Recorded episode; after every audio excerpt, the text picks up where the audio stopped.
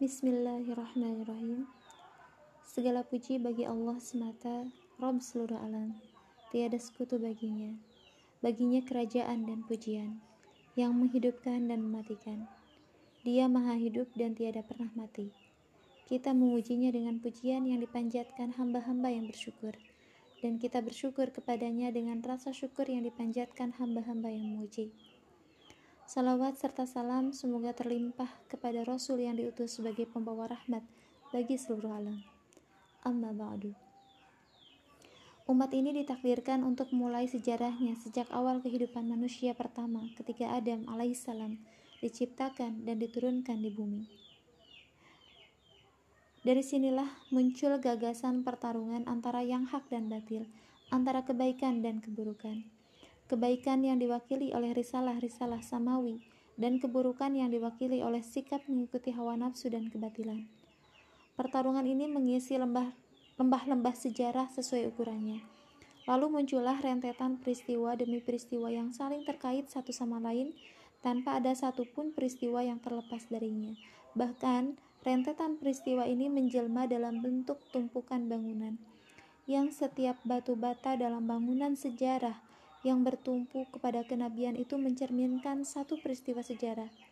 Hingga setiap masa tidak pernah terlepas dari keberadaan para nabi dan rasul sampai ditutup oleh Nabi Muhammad Wasallam.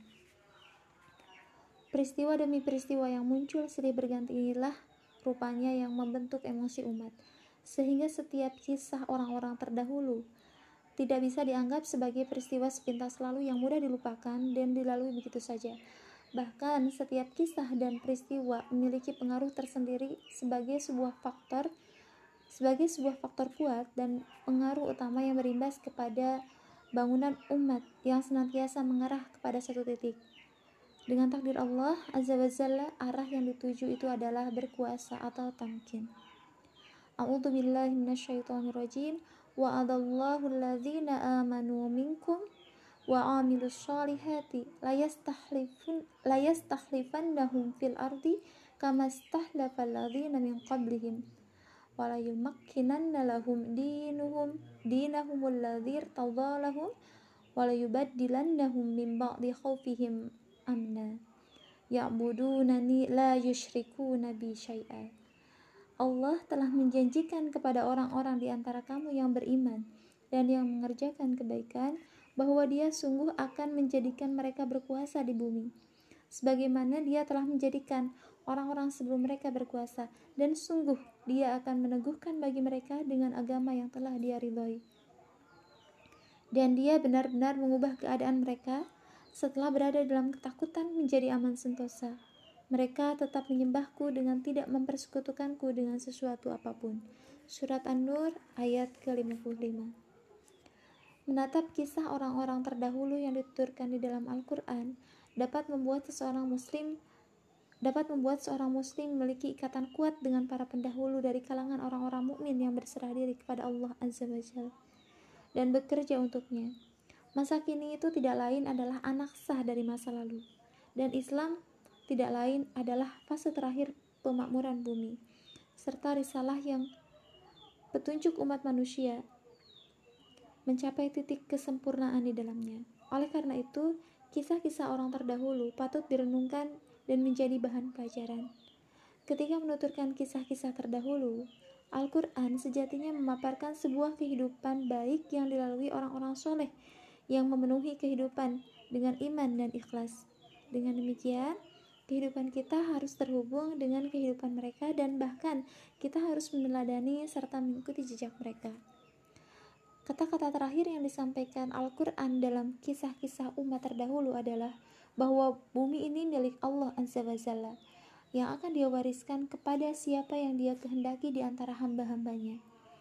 Kesudahan baik itu milik orang-orang yang bertakwa. Kerajaan berada di tangan Allah seseorang tidak akan memikul beban dosa orang lain, serta manusia itu dianggap ada karena imannya dan dianggap tiada karena kekafirannya. Kisah-kisah yang dituliskan ini bukan dengan maksud untuk mengulang ataupun menukil tulisan-tulisan yang sudah pernah ada sebelumnya, tetapi sebagai upaya untuk memberikan tambahan mengingat banyak sekali buku-buku sejarah dipenuhi kata-kata yang mengisyaratkan paham yang mewakili suatu pemikiran yang membantah pemikiran lain, sehingga sejarah ditulis dengan hawa nafsu dan fanatisme yang terselip di dalamnya. Sementara orang lain, sementara yang lain memutarbalikkan fakta dan melakukan distorsi atau penyimpangan sejarah, tidak heran jika buku-buku sejarah itu dipenuhi kisah-kisah Israeliat dan sejumlah topik pembahasan yang harus kita diskusikan kembali bersama. Di sisi lain, banyak juga ditemukan sejumlah buku sejarah yang pantas disebut sebagai karya indah orang-orang yang menulis demi hak Allah Azza wa Jalla semata, bukan demi yang lain. Goresan-goresan goresan kata-kata dan riwayat golongan seperti inilah yang dijadikan acuan dan rujukan. Setelah terlebih dahulu dicocokkan dengan kitab-kitab sahih, sunan, dan musnad.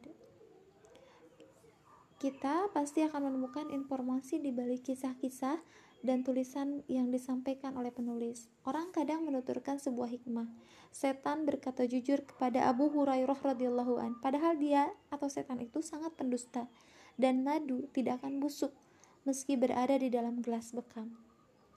Dalam studi sejarah dan kisah-kisah ini, penulis berupaya untuk mencapai tingkatan hadis nabawi meski hal ini sulit dalam meriwayatkannya yang jauh dari kebohongan para pendusta sisipan para penciplak dan penukilan dari Bani Israel. Penulis berupaya keras dalam hal ini berkat karunia yang Allah Azza wa Jalla berikan dengan menambahkan sejumlah faidah fikih dan lainnya seraya membantah kebohongan para pendusta, menyebut sumber-sumber hadis berdasarkan tosih atau pengesahan para ahli hadis yang terpercaya dan jujur dengan memberikan sejumlah ulasan. Semoga tulisan ini bermanfaat. Fungsi dari kisah dalam Al-Quran sebagai pelajaran, yang pertama sebagai pelajaran dan nasihat, seperti yang Allah firmankan, yang artinya sungguh pada kisah-kisah mereka itu terdapat pengajaran bagi orang yang mempunyai akal. Al-Quran itu bukanlah cerita yang dibuat-buat, tetapi membenarkan kitab-kitab yang sebelumnya, menjelaskan segala sesuatu dan sebagai petunjuk dan rahmat bagi orang-orang yang beriman. Surat Yusuf ayat 111 Fungsi dari kisah dalam Al-Quran yang kedua adalah meneguhkan hati Nabi Shallallahu Alaihi Wasallam dan orang-orang mukmin yang bersama beliau. Seperti yang Allah firmankan, yang artinya dan semua kisah rasul-rasul kami ceritakan kepadamu Muhammad agar dengan kisah itu kami teguhkan hatimu dan di dalamnya telah diberikan kepadamu segala kebenaran, nasihat dan peringatan bagi orang yang beriman. Surat Hud ayat 120. Fungsi dari kisah dalam Al-Quran yang ketiga adalah mengisahkan perjalanan hidup orang-orang soleh dari kalangan para nabi dan rasul agar mereka menjadi teladan bagi orang mukmin dalam menjalani kehidupan. Allah Ta'ala berfirman yang artinya mereka itulah atau para nabi yang telah diberi petunjuk oleh Allah maka ikutilah petunjuk mereka surat Al-An'am ayat 90 Fungsi yang keempat adalah sebagai peringatan bagi orang-orang kafir dan durhaka bahkan juga bagi orang-orang mukmin agar jangan sampai melakukan kemaksiatan karena balasan diberikan sesuai perbuatan yang dilakukan. Yang kelima adalah sebagai hiburan dan pelipur lara bagi hati orang-orang mukmin. Seperti disebutkan dalam firman Allah yang artinya kami menceritakan kepadamu Muhammad kisah yang paling baik dengan mewahyukan Al-Quran ini kepadamu dan sesungguhnya engkau sebelum itu termasuk orang yang tidak mengetahui. Surat Yusuf ayat 3 Fungsi dari kisah dalam Al-Quran yang keenam adalah sebagai perumpamaan bagi orang-orang yang beriman dan orang-orang kafir. Seperti disebutkan dalam Al-Quran yang artinya, dan berikanlah Muhammad kepada mereka sebuah perumpamaan. Surat Al-Kahfi ayat ke-32 Dalam sejumlah kisah, sehingga kisah yang disampaikan menjadi seperti nyata meski hanya berupa perumpamaan untuk mengingatkan akibat buruk atau agar jangan melakukan nasib yang sama. Yang ketujuh adalah sebagai pelajaran yang selalu dipetik dari kisah-kisah Al-Quran adalah bahwa kemenangan dan kesudahan baik berpihak kepada para wali Allah dan kebinasaan menimpa orang-orang kafir meski waktu mereka lama dan jumlah mereka banyak. Yang kedelapan adalah Orang-orang mukmin di setiap zaman terhubung dengan saudara-saudara mereka dari kalangan orang-orang mukmin terdahulu melalui tangan para rasul alaihi wassalam. Yang kesembilan, membedakan antara yang hak dan yang batil, mengalahkan ahli kitab dengan hujah dan penjelasan, khususnya terkait persoalan melebihkan kaum Yahudi di atas seluruh manusia, kisah dosa palsu dan kabar gembira Al-Masih alaihissalam. Yang kesepuluh, menjelaskan metode-metode yang harus ditempuh para dai. Dai adalah ulama dan ulama adalah dai. Siapa yang memisahkan di antara keduanya, ia seperti orang yang bermaksud memisahkan antara unsur-unsur air untuk dijadikan udara. Yang kesebelas, menjelaskan asas-asas syariat terdahulu.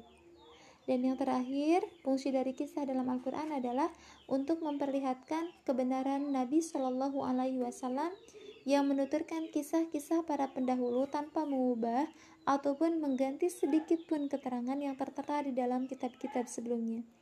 Allah Ta'ala berfirman yang artinya itulah sebagian berita gaib yang kami wahyukan kepadamu Muhammad. Surat Yusuf ayat 102 Itulah beberapa faidah kisah-kisah dalam Al-Quran. Semoga kita dapat memetik manfaat dari buku ini serta Allah memaafkan kita semua dari kekeliruan dan kelalaian yang ada.